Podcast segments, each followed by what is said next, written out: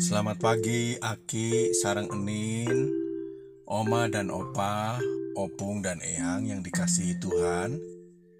Pada kesempatan Sapa Nansia hari ini, di awal bulan Mei tahun 2023, kita akan bersama-sama merenungkan bacaan Injil yang diambil dari Injil Markus pasal 9 ayat 14 sampai dengan 29. Begini bunyi firman Tuhan. Ketika Yesus, Petrus, Yakobus dan Yohanes kembali pada murid-murid lain, mereka melihat orang banyak mengerumuni murid-murid itu. Dan beberapa ahli Taurat sedang mempersoalkan sesuatu dengan mereka. Pada waktu orang banyak itu melihat Yesus, Tercenganglah mereka semua dan bergegas menyambut Dia. Lalu Yesus bertanya kepada mereka, "Apa yang kamu persoalkan dengan mereka?" Kata seorang dari orang banyak itu, "Guru, anakku ini kubawa kepadamu karena ia kerasukan roh yang membisukan dia. Dan setiap kali roh itu menyerang dia, roh itu membantingkannya ke tanah."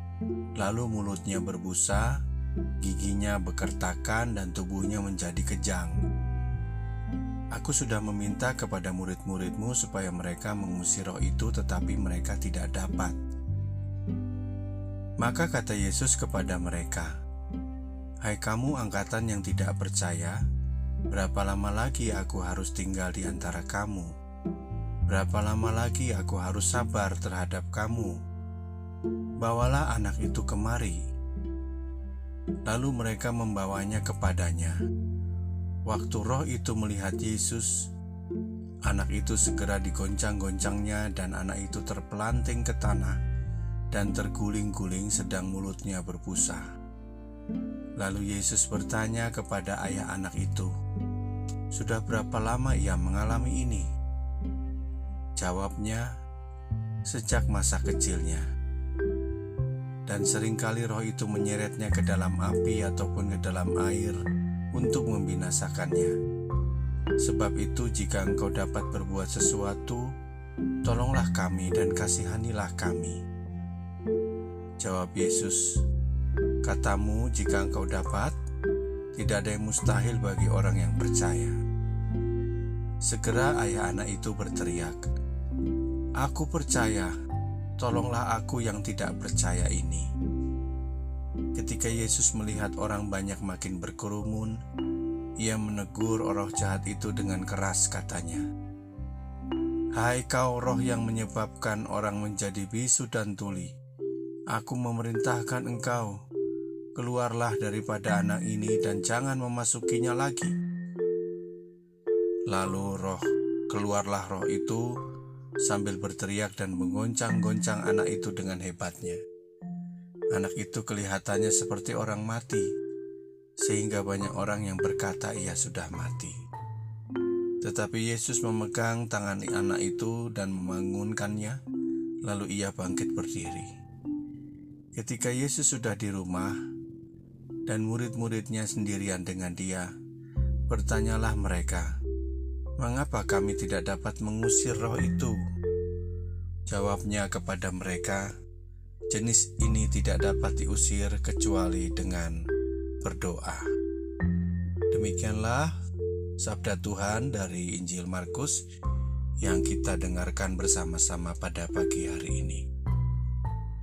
Aki sarang enin, eyang, opung, opa oma yang dikasihi Tuhan, Bacaan Injil hari ini mengisahkan tentang seorang yang kerasukan roh jahat seorang anak. Tuhan Yesus menyembuhkan anak tersebut. Roh jahat yang ada di dalam diri anak itu berbuat semena-mena.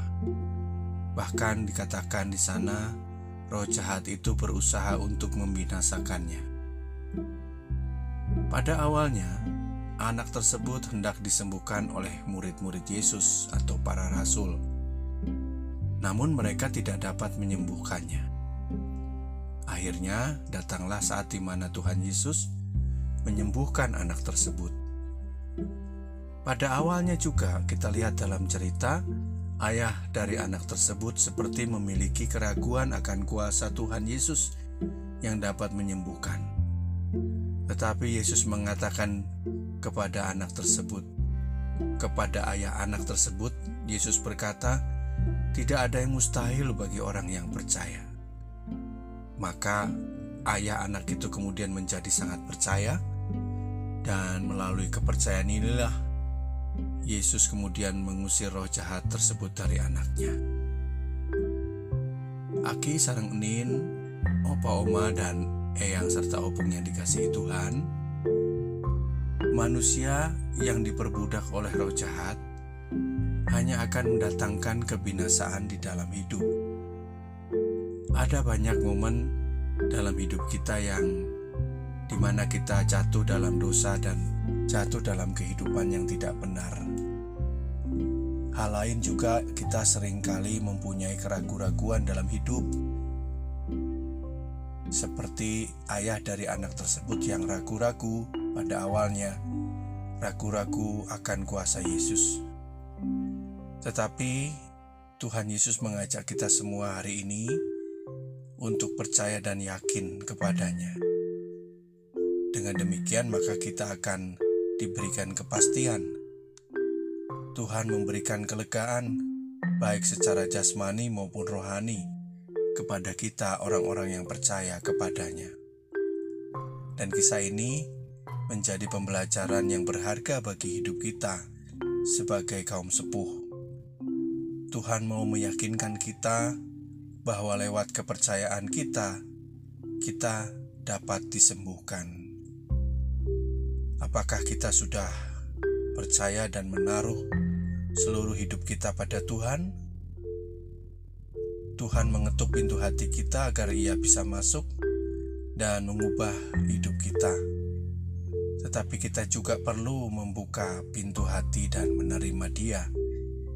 Artinya, ada usaha dari kita untuk yakin dan percaya kepada Tuhan, karena di dalam Tuhanlah Keraguan-raguan diubah menjadi kepastian.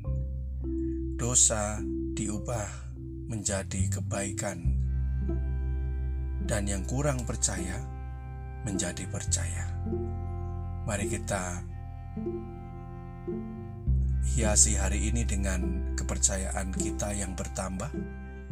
Mari kita isi hari ini juga dengan sesuatu yang baik dengan kita semakin beriman dan percaya kepada Dia bahwa tidak ada yang mustahil bagi orang yang percaya.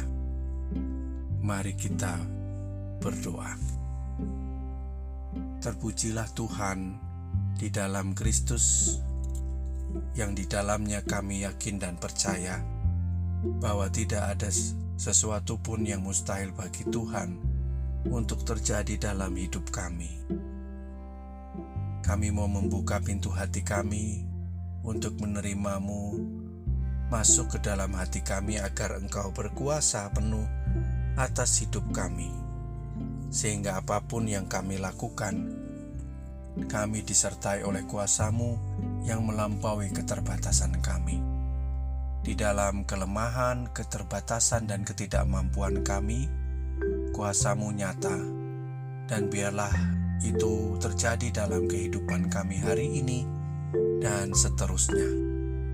Berkati anak cucu kami di mana pun engkau memberkati dan menempatkan mereka, baik yang ada bersama-sama dengan kami maupun yang jauh.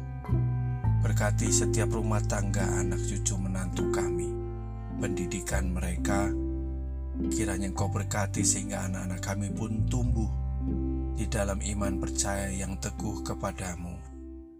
Terima kasih Tuhan untuk berkat firman-Mu pada pagi hari ini. Kami membawa seluruh kehidupan kami hanya ke dalam kuasa-Mu. Di dalam nama Kristus yang telah Engkau bangkitkan dari antara orang mati, kami berdoa. Amin.